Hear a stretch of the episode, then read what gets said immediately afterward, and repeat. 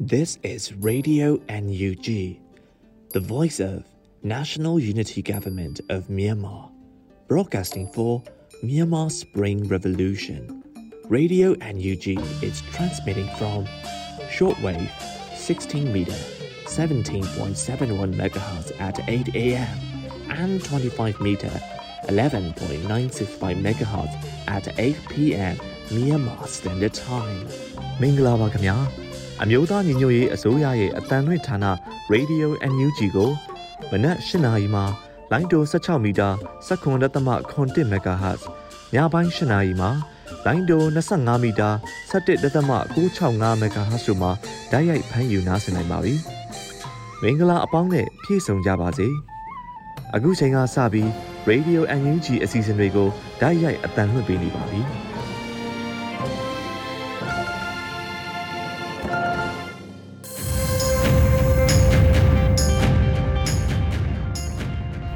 မြန်မာနိုင်ငံသူနိုင်ငံသားအပေါင်းတဘာဝပင်စစ်အာဏာရှင်ဘေးတို့ကနေကင်းဝေးပြီးကိုစိတ်နှပါကျမ်းမာလုံခြုံကြပါစေလို့ရေဒီယိုအန်ယူဂျီအဖွဲ့သားများကဆုတောင်းမေတ္တာပို့သလာရပါတယ်ရှင်။အခုချိန်မှစပြီးကာကွယ်ဝိညာဉ်ဌာနမှထုတ်ဝေသောစစ်ရေးတရေအကျဉ်းချုပ်ကိုတင်ဆက်ပေးသွားမှာဖြစ်ပါတယ်ရှင်။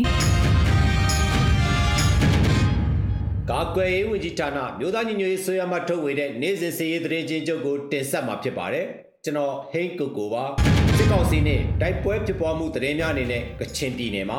နိုဝင်ဘာ9ရက်နေ့မနက်9:00နာရီခန့်ကရွှေကူမြို့ပြင်အောက်လေးလမ်းစုံ600နှစ်တက်နေရှိစစ်စေးရေးဂိတ်ဘုံပစ်တိုက်ခိုက်ခံရပြီးစကားဆဘူကြီးတူနဲ့တပ်သားတို့တေဆုံးကြောင်းသိရပါတယ်။နိုဝင်ဘာ9ရက်နေ့မနက်8:00နာရီခွဲခန့်ကဖားကတ်မြို့နယ်မော်စီစာကျေးရွာအထက်ကကွဲကြောင်းဤရက်ထားတဲ့ရဲကားတစ်စီးမိုင်းခွဲတိုက်ခိုက်ခံရကြောင်းသိရပါတယ်။ချင်းပြည်နယ်မှာ နိုဝင်ဘာ9ရက်နေ့မနက်9:00နာရီခွဲခန့်ကမတူပီခရိုင်ရေစွာမြို့ရှိစကားဆစခန်းတစ်ခုကို CDF ဇိုတောင်နဲ့ CNA ချင်းပူပေါင်းတပ်ဖွဲ့များဝင်ရောက်တိုက်ခိုက်ခဲ့ပြီးမိနစ်30ခန့်အပြန်အလှန်ပစ်ခတ်ခဲ့ရာစက္ကစဘက်မှ၄ဦးသေဆုံးပြီးလက်နက်များစွာသိမ်းဆည်းမိကြောင်းသိရပါတယ်။နိုဝင်ဘာ9ရက်နေ့မနက်3နာရီခွဲခန့်ကတီးတိမ်မြို့နယ်ဒီတောင်ကြီးတွင် CDF KKG, CDF CN နှင့် PDF ဆိုလန်ပူးပေါင်းတပ်နှင့်စက္ကစတပ်တို့ထိတ်တိုက်တွေ့ကြရာ စက္ကစဘက်မှ2ဦးသေဆုံးခဲ့ပြီးဒဏ်ရာရရှိသူ2ဦးထွက်ပြေးသွားသောကြောင့်တနက်နလက်သိမ်းဆည်းရရှိကြောင်းသိရပါတယ်။မကွေးတိုင်းမှာနိုဝင်ဘာ၄ရက်နေ့နေ့လယ်7:00နာရီခန့်ကရေချိုမြို့နယ်ရေလယ်ကျွန်းမှပြန်လာတဲ့စက္ကစတပ်ဖွဲ့ကိုခန်းကြီးနဲ့ခန်းငယ်ကြားမှာရေချို PDF မှမိုင်းဆွဲတိုက်ခိုက်နိုင်ခဲ့ရာစက္ကစတပ်သားတို့တေဆုံးခဲ့ပြီးရေချိုပြည်သူ့ကာကွယ်ရေးတပ်ဖွဲ့မှထိခိုက်မရှိပြန်လည်ဆုတ်ခွာနိုင်ခဲ့ပါတယ်။ရန်ကုန်တိုင်းမှာ နိုဝင်ဘာ၄ရက်နေ့ည8:45မိနစ်ခန့်ကတောင်တကုံမြို့နယ်မက်နစ်လမ်းမကြီးရှိတရင်တော်ဟာမြင်းမတိတနက်သမားများမှတနက်နဲ့၅ချက်ဇက်တိုက်ပစ်ခတ်ခဲ့ပြီးတရင်တော်တွင်းရှိစက္ကစတပ်ဖွဲ့ဝင်များမှပြန်လည်ပစ်ခတ်မှုပြုလုပ်ခဲ့ကြောင်းသိရပါတယ်။ပြန်လည်ပစ်ခတ်မှုဖြစ်ပွားပြီးနောက်ပိုင်းမှာစက္ကစတပ်ဖွဲ့ဝင်များမှလိုက်လံရှာဖွေမှုများပြုလုပ်စဉ်တောင်တကုံ19ရက်ကွက်ရုံရှိမှပြတ်တန်းမောင်းနေလာတဲ့အပြစ်မဲ့တစီရင်မောင်းတူဟာရန်ကားရိုက်နှက်မှုများပြုလုပ်ခဲ့ကြောင်းသိရပါတယ်။ Sky တိုင်းမှာ နိုဝင်ဘာ9ရက်နေ့မနက်9:00နာရီခွဲခန့်ကချောင်းမြို့နယ်ရွှေလီရွာမှာအကြမ်းဖက်ပစ်ခတ်မှုများပြုလုပ်ပြီးချောင်းသို့တောချောင်းကြီးဘက်လမ်းမှာပြန်လာတဲ့စက္ကစကားနှစ်စီးကိုပြည်သူ့ကာကွယ်ရေးဖွဲ့6ဦးနဲ့ညောင်ပြည်သူ့ကာကွယ်ရေးပူးပေါင်းဖွဲ့များမှမထိတာရွာအနီးမှာမိုင်းဆွဲတိုက်ခိုက်နိုင်ခဲ့ပြီးစက္ကစကားတစ်စီးထိထိမိမိထိကြိုက်ပျက်စီးခဲ့ပါတယ်။မနက်10:05မိနစ်ခန့်ကချောင်းဘက်မှလာကြိုသောစက္ကစကားကြီးနှစ်စီးနဲ့ပွိုင်ကားတစ်စီးကိုလည်း ငလုံးတင်ရွာနဲ့စင်မြေရွာကြားမှာပြည်သူ့ကာကွယ်ရေးပူးပေါင်းဖွဲ့များမှထပ်မံမိုင်းဆွဲတိုက်ခိုက်နိုင်ခဲ့ပြီးကားနစီမောင်းမြောင်ပျက်စီးသွားခဲ့ကစက္ကစတပ်သားများတေဆုံးဒဏ်ရာရရှိမှုများပြားခဲ့ပါတယ်။နိုဝင်ဘာ9ရက်နေ့နေ့လယ်တနာရီခန့်ကတမူးမြို့နယ်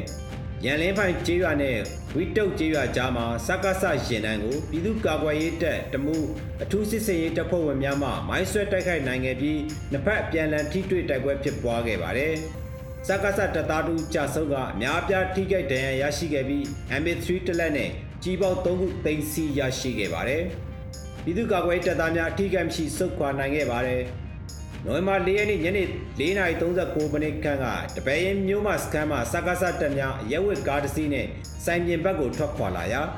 ကြည်ရွာနဲ့ပြန်ကြရွာကြားမှာပြည်သူ့ကာကွယ်ရေးဖွဲ့မှ၃နေတိတိမိုင်းဆွဲတိုက်ခိုက်နိုင်ခဲ့ပြီးစက္ကစတပ်သားများထိခိုက်ဒဏ်ရာရရှိမှုများပြားက ရေဦးစိတ်ုံတို့ပို့ဆောင်ထားကြောင်းသိရပါတယ်။မန်လေးတိုင်းမှာနိုဝင်ဘာ9ရက်နေ့မနက်7:00နာရီခန့်ကမိုးကုတ်မြို့နောက်ပိုင်းမြို့ဦးလွင်နီးရှိစက္ကစယာယီဂိတ်အတွင်းသို့ပြည်သူ့ကာကွယ်ရေးအဖွဲ့မိုးကုတ်မှဗုံးပစ်တိုက်ခိုက်ခဲ့ပြီးစကားစတအူတေဆုံးခဲ့ပါတယ်။စီးရေးပြစ်မှုမတရားဖမ်းဆီးတပ်ဖြတ်မိရှုမှုသတင်းများအနေနဲ့မကွေးတိုင်းမှာ နိုဝင်ဘာ9ရက်နေ့မနက်10:00နာရီခွဲခန့်ကစလင်းမြို့ဝက်သေးကန်မြောက်ဖက်ရှိတပိတ်ဆိုင်တွင်ထိုင်နေသူလူငယ်တဦးအားရဲဝတ်ရဲတပ်သား9ဦးမှစစ်ဆေးမေးမြန်းခြင်းမရှိဖမ်းဆီးခေါ်ဆောင်သွားခဲ့ပါတယ်။ရန်ကုန်တိုင်းမှာနိုဝင်ဘာ9ရက်နေ့မနက်ပိုင်းကစမ်းချောင်းမြို့နယ်ဘိုးလန်းရှိတားဖနှုပ်ကိုစကားဆက်တပ်သားများရိုက်နှက်မေးမြန်းကဖမ်းဆီးသွားကြောင်းသိရပါတယ်။ နိုဝင်ဘာ4ရက်နေ့ညနေ4နာရီခန့်ကတောင်တကုံမြို့နယ်56ရပ်ကွက်ရန်နာထိတ်ခေါင်လမ်းမနေအိမ်တစ်ခုအားစကားဆက်တပ်သားများဝင်ရောက်ကလူ6ဦးအားရိုက်နှက်ဖမ်းဆီးခဲ့ကြောင်းသိရပါတယ်။နိုဝင်ဘာ9ရက်နေ့မနက်စောပိုင်းကမြောက်ကလာပါမြို့နယ်2ရပ်ကွက်ယူဇနာလမ်းမပေါ်ရှိအာလက6ကျောင်းနီမှာကန္နမာကွန်ဒိုတိုက်ရှိနာမှာ စစ်သားနဲ့ရဲများမှကားတစ်စီးအားတနက်ပစ်ဖောက်ကတားဆီးစစ်ဆေးခဲ့ပြီးကားပိုင်ရှင်အားကားရှိမှဒူးထောက်ခိုင်းကခြေထောက်နဲ့ဝိုက်ကန်ပြီးအနီးရှိအိမ်များကိုထွက်မကြည့်ကြရန်နဲ့မိပိတ်ထားကြရန်အော်ဟစ်ပြောဆိုခဲ့ကြောင်းသိရပါတယ်။မန္တလေးတိုင်းမှာနိုဝင်ဘာ၄ရက်နေ့မနက်၄နာရီခန့်ကငင်းချံမြို့နယ်မကြီးစုကျေးရွာသို့စကားဆအင်အားအများအပြားဖြင့်ဝင်ရောက်ရှာဖွေခြင်းကြောင့်ရွာသူရွာသားများထွက်ပြေးတိမ်းရှောင်ခဲ့ရပြီးစကားဆများမကြီးစုမှအပြန်ကြောက်ပြုတ်ရွာမှ ရွာသား12ဦးကိုဝင်ရောက်ဖမ်းဆီးသွားပြီးညနေပိုင်းမှာ10ဦးကိုပြန်လွှတ်ပေးကခရိုင် NLD နိုင်ကဥဖိုးတောင်းနဲ့သားဖြစ်သူမျိုးတင်ဦးမျိုးချစ်ဦးတန်းထိုက်အောင်၄ဦးကိုဆက်လက်ဖမ်းဆီးထားခဲ့ပါတယ်။ AR တိုင်းမှာနိုဝင်ဘာ9ရက်နေ့မနက်7:16မိနစ်ခန့်ကဖြာပုံမြို့နယ်ချောင်းတွင်းဂိမ်းမရှိရဲကားတစ်စီးပရိုပေါက်တစ်စီးစက္ကစအင်အား10ဦးခန့်မြို့ထဲကိုကင်းလှည့်လည်ခဲ့ပြီးပြည်သူ10ဦးကျော်အားဖမ်းဆီးသွားခဲ့ပါတယ်။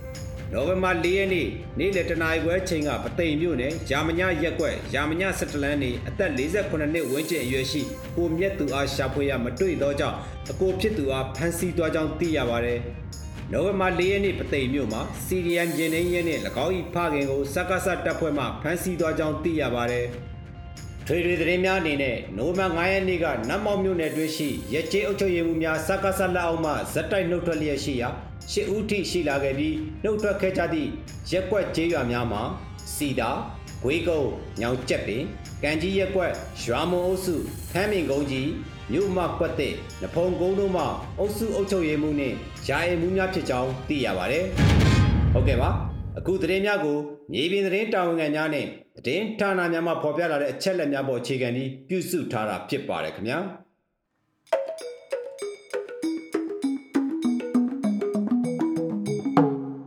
Radio NUG မှာဆက်လက်အတန်းလွှင့်နေပါတယ်။အခုဆက်လက်ပြီးနောက်ဆုံးရသတင်းများကိုနှူးရွှေဝါမှဖတ်ကြားတင်ဆက်ပေးမှာဖြစ်ပါတယ်ရှင်။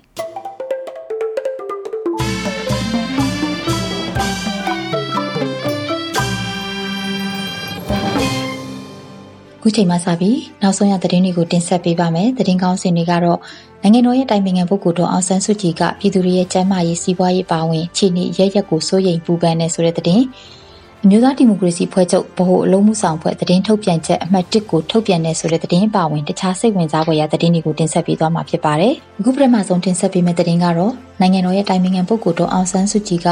ပြည်သူတွေရဲ့ကျန်းမာရေးစီးပွားရေးပါဝင်ခြေနေရရက်ကိုစိုးရိမ်ပူပန်နေဆိုတဲ့သတင်းကိုတင်ဆက်ပေးပါမယ်။အာနာသိန်းစစ်ကောင်စီမှအာဓမဆွဲဆိုထားတဲ့ပုံမှားပေါင်း၁၁ခုနဲ့ရုံထုတ်စစ်ဆေးခံနေရတဲ့နိုင်ငံတော်ရဲ့တိုင်ပင်ခံပုဂ္ဂိုလ်တော်အောင်ဆန်းစုကြည်ကပြည်သူတွေရဲ့ကျန်းမာရေးစီးပွားရေးအပါအဝင် အခြေအနေအရရက်ကိုစိုးရိမ်ပူပန်နေတဲ့အကြောင်းညီညီညွတ်ညွတ်ရှိစေခြင်းတဲ့အကြောင်းအများအကျိုးအတွက်စိတ်တူကိုယ်တူရှိကြဖို့အကြောင်းပြောခဲ့တယ်လို့တရက်ခွင်နဲ့နှီးဆက်တဲ့အတိုင်းဝိုင်းမှာသိရပါဗျ။နိုဝင်ဘာလ9ရက်နေ့တရက်ခွင်မစမီချေနေအဖွဲ့နဲ့နိုင်ဝဲခန့်တွေ့ခွင့်ရစဉ်ထို့သို့မှတ်ချက်ပြုပြောဆိုခဲ့ခြင်းဖြစ်ပါတယ်။နိုဝင်ဘာလ9ရက်နေ့မှာအဂတိလိုက်စားမှုတိုက်ဖြတ်ရေးဥပဒေပုံမှန်55ဖြစ်စစ်ကောင်စီကဆွဲထားတဲ့အမှု၄ခုနဲ့ နှစ်ခုကိုစစ်ဆေးခဲ့ပြီးနိုင်ငံတော်ရဲ့အတိုင်ပင်ခံပုဂ္ဂိုလ်တော်အောင်ဆန်းစုကြည်ရဲ့ရှေ့နေဖွဲ့ကတရားလူပြသက်သေများကိုမေးခွန်းမေးမြန်းတယ်လို့သိခဲ့ရပါတယ်။အမှုနဲ့ပတ်သက်တဲ့အသေးစိတ်ကိုတော့သိရှိနိုင်ခြင်းမရှိသေးပေမဲ့ဒေါခင်ကြီးဖောင်ဒေးရှင်းရဲ့လာရောင်တော်စိုက်ပျိုးမွေးမြူရေးနဲ့အသက်မွေးပညာသင်ကျောင်းအတွက်မြေ101.33ဧကနဲ့23.855ဧကရယူရမှာစစ်ကောင်စီဘက်ကတပ်တွေတွက်ဆိုတဲ့ နေပြည်တော်စီပင်သားရေးကော်မတီညွှန်ကြားရေးမှူးဦးစိုးနိုင်ကိုတော့အောင်ဆန်းစုကြည်ရဲ့ရှေ့နေအဖွဲ့ကမေးမြန်းရမှာလူထုံးလုံနီနဲ့အညီသာမြေရယူခဲ့ကြောင်းပေါ်လွင်အောင်စစ်ဆေးမေးမြန်းနိုင်ခဲ့တယ်လို့တရားခွင်နဲ့နှိဆက်သူတွေထံသိရပါဗျ။အတိုင်ပင်ခံပုဂ္ဂိုလ်တော်အောင်ဆန်းစုကြည်ကိုရွှေနဲ့ငွေများပေးခဲ့တယ်လို့ပြောဆိုထားတဲ့ရန်ကုန်တိုင်းဝင်ကြီးချုပ်ဦးဖြိုးမင်းသိန်းရဲ့ပြောဆိုချက်အပေါ်အခြေခံကစစ်ကောင်စီကဆွဆွဲထားတဲ့အာဂတိမှုတမှုမှာဇနီးဖြစ်သူ ဒေါက်ခင်မိမိကျွယ်တက်သေးထွက်ဆိုရန်တရားရုံးကဆင့်ခေါ်ထားပေမဲ့လည်းကျမ်းမာရေးအကြောင်းပြချက်နဲ့ယနေ့မှလာရောက်ခဲ့ခြင်းမရှိဘူးလို့လည်းသိရပါတယ်ရှင်။ဆလဘီမြို့သားဒီမိုကရေစီဖွဲ့ချုပ်ဘဟုလုံးမှုဆောင်ဖွဲ့တရင်ထုတ်ပြန်ချက်အမှတ်1ကိုထုတ်ပြန်နေဆိုတဲ့တရင်ကိုတင်ဆက်ပေးပါမယ်။မြို့သားဒီမိုကရေစီဖွဲ့ချုပ်ဘဟုလုံးမှုဆောင်ဖွဲ့မှနိုဝင်ဘာလ9ရက်နေ့နေ့စွဲနဲ့တရင်ထုတ်ပြန်ချက်အမှတ်1ကိုထုတ်ပြန်လိုက်ပါတယ်။ အဲ့ဒီတရင်ထုတ်ပြန်ချက်အပြည့်စုံမှာဖေဖော်ဝါရီတရက်နေ့မှာစတင်ပြီးစစ်ကောင်ဆောင်တစုက2008ဖွဲ့စည်းပုံအခြေခံဥပဒေကိုချိုးဖောက်ပြီးနိုင်ငံတော်အာဏာကိုမတရားသိမ်းယူပြီးအမျိုးသားဒီမိုကရေစီဖွဲ့ချုပ်ဥက္ကဋ္ဌဒုဥက္ကဋ္ဌတစ်ဖြစ်သူနိုင်ငံတော်သမ္မတဦးဝင်းမြင့်နဲ့ဗဟိုလုံးမှုဆောင်ဖွဲ့ဝင်14ဦးတို့ကိုမတရားဖမ်းဆီးခဲ့ကြောင်းလွတ်တော်ကိုယ်စားလှယ်တွေအလုံမှုဆောင်တွေပါတီဝင်များအားလုံးကိုမတရားလိုက်လံဖမ်းဆီးနေတဲ့အတွက်နေရဆွန့်ခွာတိမ်ရှောင်နေရပါတယ်။ ဆန္ဒမဲပေးခဲ့တဲ့ပြည်သူတွေရဲ့တောင်းဝန်ပေးအပ်ခြင်းခံရတဲ့အမျိုးသားဒီမိုကရေစီအဖွဲ့ချုပ်ပါတီအနေနဲ့အခက်အခဲမျိုးစုံကြားမှာပြည်သူအာဏာကိုပြည်သူထံပြန်လည်အနှင်းနိုင်ရန်အဖွဲ့ချုပ်ခေါင်းဆောင်များနဲ့နိုင်ငံရေးအကျဉ်းသားများအားလုံးလွတ်မြောက်ရန်ကြိုးပမ်းလျက်ရှိပါတယ်။ ဗဟိုလုံးမှုဆောင်ဖွဲ့ဝင်အားလုံးမျက်နှာစုံကြီးစည်းဝေးမပြုလုပ်နိုင်မီကာလအတွင်းအဖွဲ့ချုပ်ရဲ့အခြေခံမူဝါဒတွေရွေးကောက်ပွဲကြီးညာစာတမ်းပါချက်လက်တွေကိုကောက်ထည့်ဖော်ရန်ပါတီတွင်လုပ်ငန်းစဉ်များချိတ်ဆက်ဆောင်ရွက်နိုင်ရန်အောက်တိုဘာလ30ရက်နေ့မှာကျင်းပတဲ့အဖွဲ့ချုပ်ဗဟိုရေးရာကော်မတီများပြည်내နဲ့တိုင်းတာဝန်ခံများစည်းဝေးတက်ရောက်လာကြတဲ့သူအားလုံးရဲ့သဘောတူညီချက်အရဗဟိုလုံးမှုဆောင်ကော်မတီကိုဖွဲ့စည်းလိုက်ပါတယ်။ ဖွဲ့စည်းလိုက်တဲ့ဗဟိုအလုံးမှုဆောင်ကော်မတီမှာလက်ရှိတာဝန်ထမ်းဆောင်ရန်အခြေအနေရှိတဲ့ဗဟိုအလုံးမှုဆောင်ဖွဲ့ဝင်များဖြစ်ကြတဲ့ဦးအောင်ကြည်ညွတ်ဦးတင်ထိုးဦးအရန်ဗဟိုအလုံးမှုဆောင်အဖွဲ့ဝင်ဒေါက်တာခင်ဆောင်2020 21ခုနှစ်ဇန်နဝါရီလ30ရက်နေ့မှာဖွဲ့စည်းတာဝန်ပေးအပ်ခဲ့တဲ့ Student Committee မှဦးထွန်းမြေဦးကျော်ထွေးဦးမျိုးနိုင်နဲ့ဦးဝင်းအောင်တို့ဖြင့်တာဝန်ယူဆောင်ရွက်သွားမှာဖြစ်တယ်လို့ဖော်ပြပါရှိပါရရှင်။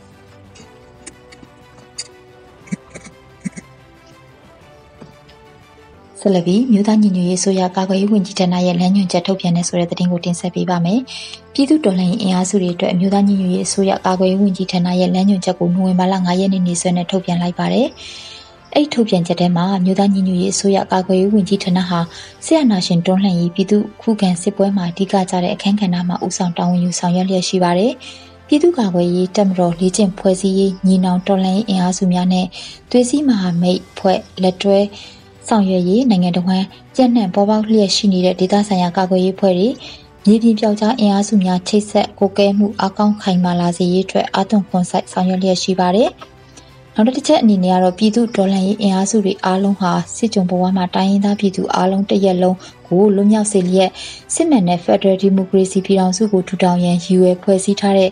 တပ်ဖွဲ့များဖြစ်တဲ့အားလျော်စွာစိတ်သက်ကောင်းမှုမှုစီကံရှိမှု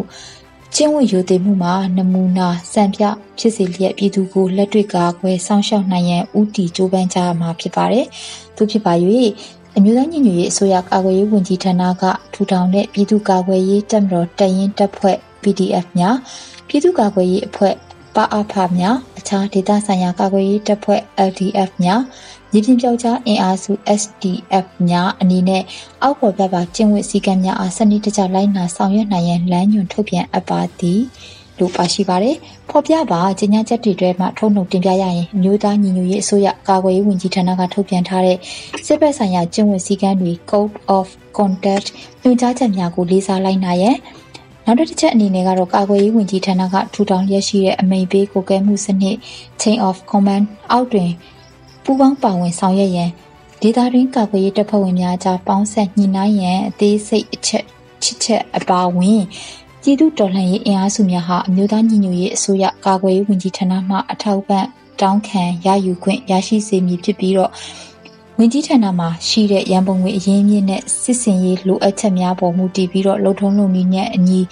ထောက်ပံ့ဆောင်ရွက်သွားမှာဖြစ်တယ်လို့ဖော်ပြပါရှိပါတယ်ရှင်။ ဆက်လက်ပြီး KNU ကရင်အမျိုးသားအစည်းအရုံးသတင်းထုတ်ပြန်ချက်ကိုတင်ဆက်ပေးပါမယ်။လွန်ခဲ့တဲ့အောက်တိုဘာလအတွင်းက KNU ထိန်းချုပ်နယ်မြေ၅ခုအတွင်းတိုက်ပွဲစုစုပေါင်း285ကြိမ်ဖြစ်ပွားခဲ့ပြီးစစ်ကောင်စီဘက်မှ282ဦးသေဆုံးက266ဦးထိခိုက်ဒဏ်ရာရရှိတယ်လို့ KNU ကရင်အမျိုးသားအစည်းအရုံးကထုတ်ပြန်ထားပါတယ်။နိုဝင်ဘာလ9ရက်နေ့ကထုတ်ပြန်လိုက်တဲ့သတင်းမှာတော့ KNU အမျိုးသားအစည်းအရုံးတထုံခရိုင်တပ်မဟာတင်နယ်မြေတွင်တလအတွင်းတိုက်ပွဲစုစုပေါင်း48ကြိမ်ဖြစ်ပွားခဲ့ပြီးတော့စစ်ကောင်စီဘက်မှ 95ဦးသေဆုံးက80ဦးဒဏ်ရာရရှိခဲ့တယ်လို့သိရပါတယ်။ဆက်လက်ပြီးတောင်ငူခရိုင်တပ်မဟာ2 နေမြေမှာတလာအတွင်းတိုက်ပွဲစုစုပေါင်း9ချိန်ဖြစ်ပွားခဲ့ပြီးစစ်ကောင်စီဘက်မှ30ဦးသေဆုံးက9ဦးဒဏ်ရာရရှိခဲ့ပါတယ်။ညောင်လေးပင်ခိုင်တပ်မဟာ3နေမြေအတွင်းမှာတော့တလာအတွင်းစုစုပေါင်းတိုက်ပွဲ6ချိန်ဖြစ်ပွားခဲ့ပြီးတော့စစ်ကောင်စီဘက်မှ18ဦးသေဆုံးက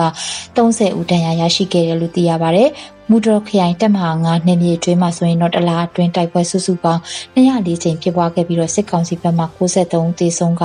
96ဦးဒဏ်ရာရရှိခဲ့ပါတယ်။ ဒူပလာယာခရိုင်တပ်မဟာ6နယ်မြေအတွင်းမှာဆိုလို့ရှိရင်တော့တလားအတွင်းတိုက်ပွဲစုစုပေါင်း73ချိန်ဖြစ်ပွားခဲ့ပြီးတော့စစ်ကောင်စီဘက်မှ36ဦးသေဆုံးက52ဦးဒဏ်ရာရရှိကြောင်းဖော်ပြထားပါတယ်ရှင်။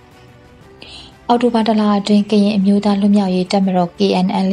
ကရင်အမျိုးသားကာကွယ်ရေးတပ်ဖွဲ့ KNDO နဲ့စစ်ကောင်စီတပ်နေခြားဆောင် BDF တပ်များကြားတိုက်ပွဲစုစုပေါင်း285ကြိမ်ဖြစ်ပွားခဲ့ပါတယ်စစ်ကောင်စီတပ်နေခြားဆောင်တပ်ဘက်မှ282ဦးသေဆုံးပြီးအဲ့ထဲမှာတရင်မှု2ဦးတက်ခွဲမှု2ဦးဘိုးမှု2ဦးဘိုးကြီး2ဦး ဘိုးနှစ်ဦးပါဝင်ခဲ့ပါတယ်။ဒဏ်ရာရသူစုစုပေါင်း266ဦးရှိခဲ့ပြီးတော့ဒုတက်ရင်မှုတဦးဒုဗိုလ်မှုကြီးတဦးတက်ချက်ကြီးတဦးပါဝင်ခဲ့ပါတယ်။ကရင်မျိုးသားလူမျိုးရေးတပ်မတော်နဲ့ကရင်မျိုးသားကာကွယ်ရေးတပ်ဖွဲ့ဘက်မှ2ဦးကြာဆုံးပြီး20ဦးဒဏ်ရာရရှိခဲ့တယ်လို့ KNU ဘဟုမှနိုဝင်ဘာလ9ရက်နေ့ရက်စွဲဖြင့်သတင်းထုတ်ပြန်ထားပါတယ်ရှင်။ကျွန်မကတော့ຫນွေဦးရှိဝါပါ။ဆက်လက်ပြီးကြန့်ရှိနေတဲ့သတင်းများကိုတော့ຫນွေဦးမှုမှဆက်လက်တင်ဆက်ပေးမှာဖြစ်ပါတယ်။ဆက်လက်ပြီး ကောလင်းမြို့နယ်ကျောင်းဆရာတအုပ်အပါအဝင်ပြည်သူလေးဦးထပ်မင်းကိုစစ်ကောင်စီတပ်ဖြတ်ခဲ့တဲ့တဲ့ရင်ကိုတင်ဆက်ပေးတော့မှာဖြစ်ပါတယ်။စကိုင်းတိုင်းကောလင်းမြို့နယ်တောင်မော်ကျေးရွာတွင်နေထိုင်တဲ့ပြည်သူလေးဦးထပ်မင်းယနေ့နိုဝင်ဘာလ3ရက်နေ့နေ့လယ်ခန့်ကအသက်ခံထားရကြောင်းဒေသခံတွေစီကတဆင့်သိရပါတယ်။ဖြစ်စဉ်ကနေ့ရက်လောက်မှဖြစ်တာဗျာ။အတီးပြုတ်နိုင်ခဲ့တာကတော့ညနေပိုင်းမှာပါ။မတရားဖမ်းဆီးတပ်ခံထားရတာအမျိုးသားကြီးပဲ လူငယ်၃ဦးနဲ့လူကြီးတဦး၄ဦးရှိပြီလို့ဒေသခံတို့ကပြောပါတယ်တပ်ဖြတ်ခံထားရသူတွေမှာကိုအောင်ကြည်လွင်ကိုဝေမင်းသူ အထက်တန်းပြကိုအောင်နိုင်ဝင်းကိုဖိုးလာပြည့်ခကျော်လင်းအောင်တို့ဖြစ်ကြောင်းသိရပါတယ်တောင်မော်ကျေးရွာဟာကောလင်းခရိုင်ကောလင်းမြို့နယ်အရှိတ်ဘက်ရှစ်မိုင်အကွာတွင်တည်ရှိတဲ့ကျေးရွာဖြစ်ပြီးလက်ရှိချိန်ကျေးရွာရှိပြည်သူအချို့ထွက်ပြေးတိမ်းရှောင်နေရပြီဖြစ်ကြောင်းနေဆက်သူတွေကပြောပါတယ်။ ကျေးရွာအတွင်းတရင်ပေးဒလန်တွေရဲ့လက်ညှိုးထိုးရာအိမ်တွေနဲ့မတင်ကားတဲ့အိမ်တွေကိုစစ်ကောင်စီတပ်တွေကဝင်ရောက်စစ်ဆေးဖမ်းဆီးနှိပ်စက်တပ်ဖြတ်မှုတွေကျူးလွန်နေဆဲဖြစ်ကြောင်းဒေသခံတွေကပြောပါတယ်။စစ်သားတွေကခုထိရွာထဲမှာရှိနေတုံးမို့ခုသက်ခံရတာဘလောက်တောင်ရှိနေပြီလဲဆိုတာတိတိကျကျမသိရသေးဘူးလို့ဒေသခံတို့ကပြောပါတယ်။ လက်ရှိတောင်မော်ကျေးရွာကိုဝင်ရောက်နေတဲ့စစ်ကောင်စီတပ်တွေဟာနိုဝင်ဘာလ2ရက်နေ့တနအီဝန်းကျင်မှာကောလင်းမှစစ်ကား9စီးဖြင့်ချထားခဲ့တဲ့တပ်ဖွဲ့ဖြစ်ပြီးအင်အား90ခန့်ရှိကြောင်းသိရပါတယ်။စကိုင်းတိုင်းမှာစက်တင်ဘာလ22ရက်နေ့နောက်ပိုင်းစစ်ကောင်စီတပ်တွေစစ်အင်အားပုံမှုဖြစ်တင်းလာတဲ့အပြင်ဒေသခံကာကွယ်ရေးတပ်နဲ့စစ်ကောင်စီတပ်နေ့စဉ်နဲ့အမျှတိုက်ပွဲဖြစ်ပွားနေသေးပါဆက်လက်ပြီးမြမစီးပွားရေးက 2021ခုနှစ်တွင် အာရှတိုက်အတွင်းအပြင်းထန်ဆုံးထိုးနှက်ခံရသည့်စီးပွားရေးများထဲမှတစ်ခုအဖြစ်ကြန့်ရှိနေတဲ့သတင်းကိုတင်ဆက်ပေးသွားမှာဖြစ်ပါတယ်။မြန်မာနိုင်ငံရဲ့စီးပွားရေးကယခုနှစ်2021ခုနှစ်တွင် အာရှတိုက်အတွင်းအပြင်းထန်ဆုံးထိုးနှက်ခံရတဲ့စီးပွားရေးများတဲ့ကတစ်ခုအဖြစ်ကြန့်ရှိနေတယ်လို့ IHS Market ရဲ့စီးပွားရေးပညာရှင် Sharia Patel ကပြောပါတယ်။ နိုဝင်ဘာလ၁ရက်နေ့ကထုတ်ပြန်ခဲ့တဲ့ IHS Market မြန်မာထုတ်လုပ်မှု PMI အညွှန်းကိန်းစစ်တမ်းမှာသုံးသက်ပြောကြားခဲ့ပြီးနောက်ဆုံး၃လပတ်အစကအားကောင်းတဲ့ကြာဆင်းမှုများကိုညွန်ပြနေတော်လေကြာဆင်းမှုနှုန်းကနှစ်စမ်းမှစပြီးအားအပြော့ဆုံးဖြစ်လာနိုင်မဲ့မျောလင်းချက်လက္ခဏာများရှိတယ်လို့ပတ်တဲကဆိုပါတယ် ပစ္စည်းပေးသွင်းမှုဆိုင်ရာဖိအားပေးမှုတွေကို2022ခုနှစ်တွင်မှမြင်ရဖွယ်ရှိပေမဲ့ကမ္ပဏီများကနိုင်ငံတကာရှားပါမှုများမှာအားပြော့သွားပြီးဈေးနှုန်းများကျဆင်းလာကဝယ်လိုအားပြန်ကောင်းလာမှာကိုမျှော်လင့်နေကြတယ်လို့သူကဆိုပါတယ်။အောက်တိုဘာဒေတာကမြန်မာနိုင်ငံတဝမ်းမှာထုတ်လုပ်ရေးအခြေအနေတွေထပ်မံအရှိန်ဟုန်ပြင်းစွာကျဆင်းလာမှုကိုညွှန်ပြနေပြီးအော်ဒါအသစ်များတဟုန်ထိုးကျသွားကဝန်ထမ်းဥယျာဉ်နဲ့ ထုတ်လုပ်မှုအကျိုးလက်ကျန်စည်ရင်းတွေလည်းအခိုင်အမာကျဆင်းသွားခဲ့တယ်လို့မြန်မာထုတ်လုပ်မှု PMI အညွှန်းကိန်းကဖော်ပြနေပါတယ်။ကုမ္ပဏီတွေကကုန်ကျန်းရှားပါမှုကိုဆက်လက်ထောက်ပြနေကြပြီးအကျိုးဆက်အဖြစ်ကုန်ကျစရိတ်များနဲ့ရောင်းစရိတ်များတိတာစွာမြင့်တက်လာတယ်လို့ဆိုကြပါတယ်။သို့တော်လည်းထုတ်လုပ်မှုနဲ့အော်ဒါအသစ်များကျဆင်းလာတဲ့နှုန်းကဇန်နဝါရီလမှစတင်ကအားအပြော့ဆုံးဖြစ်ခဲ့ပြီး ယခုလအတွင်းယုံကြည်မှုကအပေါင်းလက္ခဏာကိုစောင့်နေခဲ့တော်လေရေရှည်အဆင့်ထက်များစွာနှိမ့်ချနေခြင်းကကူးဆက်မြန်ကက်ရောဂါနိုင်ငံရေးမရေရာမှု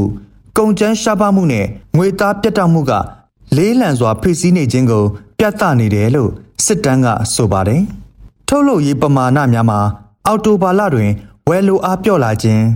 ကုန်ကျန်းရှားပါမှုနဲ့ကျွမ်းကျင်လုပ်သားမလုံလောက်မှုကြောင့်ထပ်မံထိုးနှက်ခံခဲ့ရပြီး အော်ဒါအသစ်တွေလည်းတဟုန်ထိုးကျဆင်းခဲ့ရာ14လစတိုက်ကျဆင်းမှုဖြစ်လာပါတယ်။အနာဂတ်ကိုမျှော်ကြည့်ရာတွင် ထုတ်လုပ်သူတို့အကြားလာမယ့်တစ်နှစ်ကာလကို အကောင်းမြင်သူတိုးလာပြီးတိုးတက်ရေးမျှော်လင့်ချက်တွေကအနှဲငယ်အပြုသဘောဆောင်ခဲ့တော်လေနိုင်ငံရေးမရေရာမှု နိုင်ငံတကာမှပစ္စည်းပေးသွင်းမှု ကူးစက်မြန်ကက်ယောဂါနဲ့ငွေသားပြတ်တောက်မှု အားလုံးက ယုံကြည်မှုအဆင့်အပေါ်ဖိစီးခဲ့ကြတယ်လို့စစ်တမ်းကဖော်ပြထားပါတယ်။ဟုတ်ကဲ့ကျွန်တော်ຫນွေဦးမို့ပါ။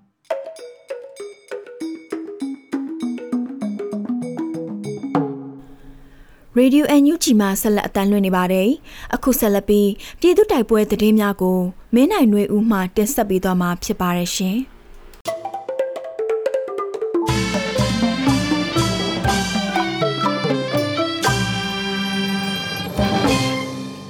ထမဆုံးတင်ဆက်ပေးမှာကတော့ခံယူတက်မှာနေမြေ9ခုတွင် အော်တိုဘာလအတွင်းစစ်ကောင်စီတပ်နဲ့တိုက်ပွဲ158ကြိမ်ဖြစ်ပွားပြီးစစ်ကောင်စီတပ်မှတရင်မှုတအူတက်ခွက်မှုတအူဗုံမှုတအူအပါအဝင်282ဦးသေဆုံးပြီး266ဦးဒဏ်ရာရရှိတဲ့တဲ့တင်မှာပြီးခဲ့တဲ့အော်တိုဘာလအတွင်းကရင်မျိုးသားစီယုံထိချုပ်နေမြေတပ်မ9ခုတွင် အကြမ်းဖက်စစ်ကောင်စီတပ်နဲ့ကရင်မျိုးသားလွတ်မြောက်ရေးတပ်မတော် KNN ကြားတိုက်ပွဲပေါင်း258ကြိမ်ဖြစ်ပွားပြီးစစ်ကောင်စီတပ်မှ282ဦးသေဆုံးပြီး266ဦးဒဏ်ရာရရှိကြောင်း KNU ကသတင်းထုတ်ပြန်ထားပါတယ်။အဆိုပါတိုက်ပွဲများသည့်တပ်မ1တထုံခရိုင်တပ်မ2တောင်ငူခရိုင်တပ်မ3ညောင်လေးပင်ခရိုင်တပ်မ5ဖာပုံခရိုင်တပ်မ6ဒူပလာယာခရိုင်များတွင်ဖြစ်ပွားခဲ့ပြီး KNL နဲ့ KNDO ဘက်မှနှစ်ဦးကြာရှုံးကထိခိုက်ဒဏ်ရာရရှိသူပေါင်း20ရှိကြောင်း KNU ထုတ်ပြန်ချက်တွင်ရေးသားဖော်ပြထားတာပါ တပ်မ1နေမြေတထုံခရိုင်တွင်တိုက်ပွဲ48ကြိမ်တပ်မ2တောင်ခရိုင်တွင်တိုက်ပွဲ5ကြိမ်တပ်မ3ညောင်လေးပင်ခရိုင်တွင်တိုက်ပွဲ6ကြိမ်တပ်မ5ဖာပုံခရိုင်တွင်တိုက်ပွဲ204ကြိမ်တပ်မ6ဒူပလာယာခရိုင်တွင်တိုက်ပွဲ73ကြိမ်ဖြစ်ပွားခဲ့ကြောင်းသိရပါတယ်ယခုတိုက်ပွဲများဟာအကြမ်းဖက်စစ်ကောင်စီတပ်လက်အောက်ခံကရင်နယ်ခြားဆောင်တပ် BGN နဲ့ KNL KNGO တို့ကြားဖြစ်ပွားခဲ့ခြင်းဖြစ်ပြီးစစ်ကောင်စီတပ်နဲ့ BGF မှတရင်မှုတအူတက်ခွက်မှုတအူဗုံမှုတအူအပါအဝင်282ဦးသေဆုံးခဲ့ခြင်းမှာ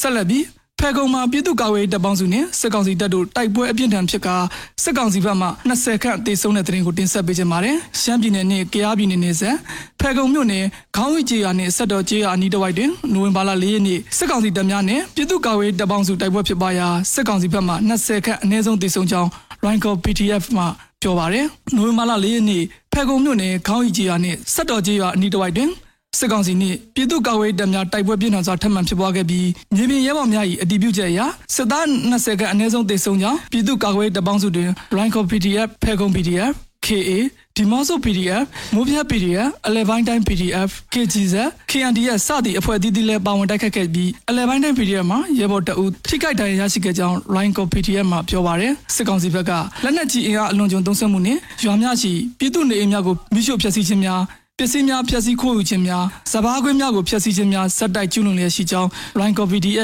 ထုတ်ပြန်ချက်အရသိရပါဗျ။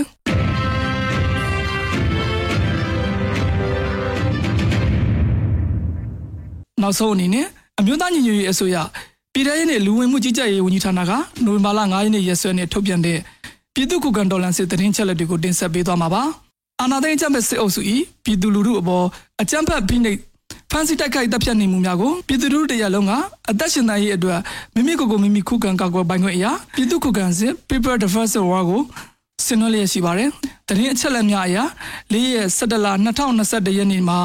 ရန်သူစီရေးပြမှတ်15နေရာအုပ်ချုပ်ရေးပြမှတ်18နေရာနဲ့စီးပွားရေးပြမှတ်2နေရာတို့ကိုခုခံတိုက်ခိုက်နိုင်ခဲ့ပါတယ်။အာဏာရှင်စနစ်မြမမြေပေါ်မှာအပြစ်တိုင်ချုပ်ငြိမ်းရေးနဲ့ Federal Democracy တည်ဆောက်ရေးအတွက် ငင်းချမ်းစာဆန္ဒပြသည့်လူလူတပိတ်တိုက်ပွဲများကပြည်내နှင့်တိုင်းဒေသကြီးများတွင်ဖြစ်ပွားပေါ်ပေါက်လျက်ရှိပါတယ်မြေပြင်မှာယခုတွေ့ရှိရတဲ့သတင်းချက်လက်များတဲ့ပုံမှုဖြစ်ပွားနိုင်ပါတယ်ခင်ဗျာ။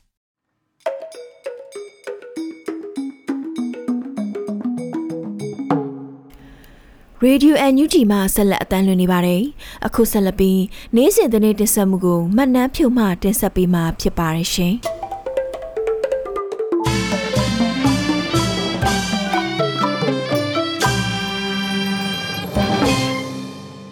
အခုပထမဦးဆုံးအနေနဲ့အမျိုးသားညီညွတ်ရေးအစိုးရရဲ့အွန်လိုင်းလူချီနွေဦးထိပြန်လည်ရောင်းချနေပြီဖြစ်တဲ့သတင်းကိုတင်ဆက်ပေးချင်ပါတယ်။နိုဝင်ဘာ9ရက်နေ့မနက်10:00နာရီမှစတင်ကအွန်လိုင်းလွင့်ချီနွေဦးထီကိုပြန်လည်ရောင်းချခဲ့ပြီးဖြစ်တယ်လို့သိရပါဗျ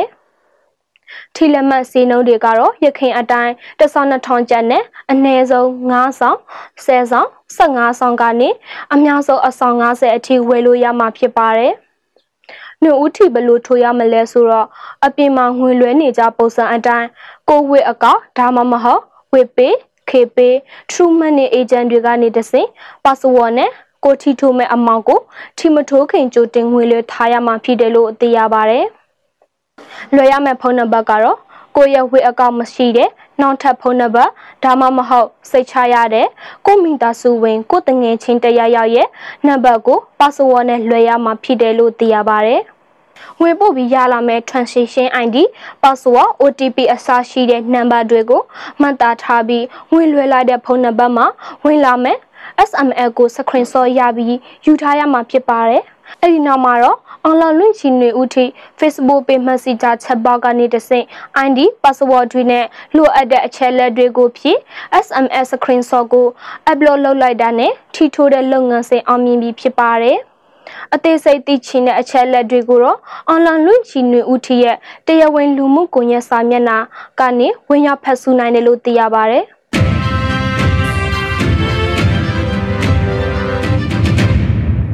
အမျိုးသားညီညွတ်ရေးအစိုးရနိုင်ငံခြားရေးဝန်ကြီးနဲ့ UK အာရှရေးရာဝန်ကြီးတို့တွဲဆုံစီးနင်းခဲ့တဲ့သတင်းကိုဆက်လက်တင်ဆက်ပေးချင်ပါတယ်။ဒေါ်စင်မာအောင်နဲ့ UK အစိုးရ နိုင်ငံခြားရေးဌာနအာရှရေးရာဝန်ကြီးအမန်ဒမင်းလင်တို့နိုဝင်ဘာ၄ရက်ကတွဲဆုံဆွေးနွေးခဲ့ကြပါတယ်။အခုလိုတွေ့ဆုံရမှာရွေးကောက်ခံအစိုးရကိုအပိထောက်ခံကြောင်းထက်လောင်းဖော်ပြခဲ့ပြီးစစ်ကောင်စီရဲ့အဓမ္မအာဏာသိမ်းမှုနောက်ပိုင်းမှာဖြစ်ပေါ်လာတဲ့အကြမ်းဖက်ဖြိုခွင်းမှုပြည်သူလူထုရဲ့ပုဂ္ဂလိကပိုင်ဆိုင်မှုတွေကိုစစ်ကောင်စီကတဲယူဖျက်ဆီးတာတွေကိုဆွေးနွေးခဲ့ပါတယ်။ဒါအပြင် စကိုင်းချင်းကရင်နီအစရှိတဲ့ဒေသတွေမှာစစ်ကောင်စီရဲ့နှံမြေစင်းလင်းရေးစစ်စင်မှုအပါအဝင် လူအခွင့်အရေးချိုးဖောက်မှုတွေလူသားချင်းစာနာထောက်ထားမှုဆိုင်ရာအကူအညီပေးရေးနဲ့စိတ်ခေါ်မှုတွေကိုဗစ်ကာကွယ်ရှေ့ရစီဖို့အရေးတကြီးလိုအပ်နေမှုစတာတွေကိုစင်းလင်းဆွေးနွေးခဲ့ကြပါတယ်။တွဲဆုံပွဲကို NUG ရဲ့ UK ဆိုင်ရာကိုယ်စားလှယ်တွေဖြစ်ကြတဲ့ဦးမမောင်အောင်နဲ့ဒေါက်တာတက်ကိုကိုတို့လည်းတက်ရောက်ခဲ့ကြတယ်လို့သိရှိရပါတယ်။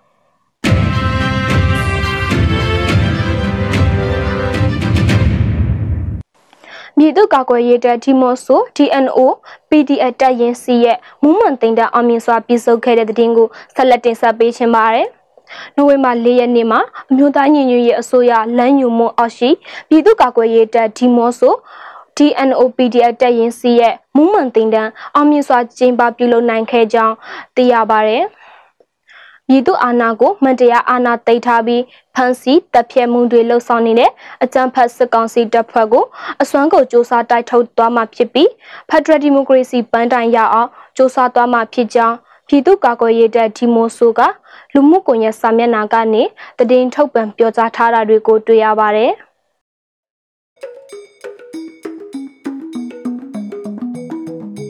ဒီကနေ့ကတော့ဒီညနေပဲ Radio NUG ရဲ့အစီအစဉ်တွေကိုခਿੱတရနာလိုက်ပါမယ်မြန်မာစံတော်ချိန်မနက်၈နာရီနဲ့ညနေ၈နာရီအချိန်တွေမှာပြန်လည်ဆုံတွေ့ကြပါစို့ Radio NUG ကိုမနက်၈နာရီမှာလိုင်းတို16မီတာ7.1 MHz ညပိုင်း၈နာရီမှာလိုင်းတို25မီတာ17.665 MHz တို့မှာဓာတ်ရိုက်ဖမ်းယူနားဆင်နိုင်ပါပြီမြန်မာနိုင်ငံသူနိုင်ငံသားများကိုစိတ်နှပြကျန်းမာချမ်းသာလို့ ဘေးကင်းလုံခြုံကြပါစေလို့ Radio NUG အဖွဲ့သူအဖွဲ့သားများကဆုတောင်းလိုက်ရပါတယ်။အမျိုးသားညီညွတ်ရေးအစိုးရရဲ့စက်သွယ်ရေးတရင်အချက်အလက်နဲ့ဤပညာဝန်ကြီးဌာနကထုတ်လွှင့်နေတဲ့ Radio NUG ဖြစ်ပါတယ်။ San Francisco Bay Area အခြေစိုက်မြန်မာမိသားစုများနဲ့နိုင်ငံတကာကစေတနာရှင်များလှူအားပေးများရဲ့ Radio NUG ဖြစ်ပါတယ်။အရေးတော်ပုံအောင်ရမည်။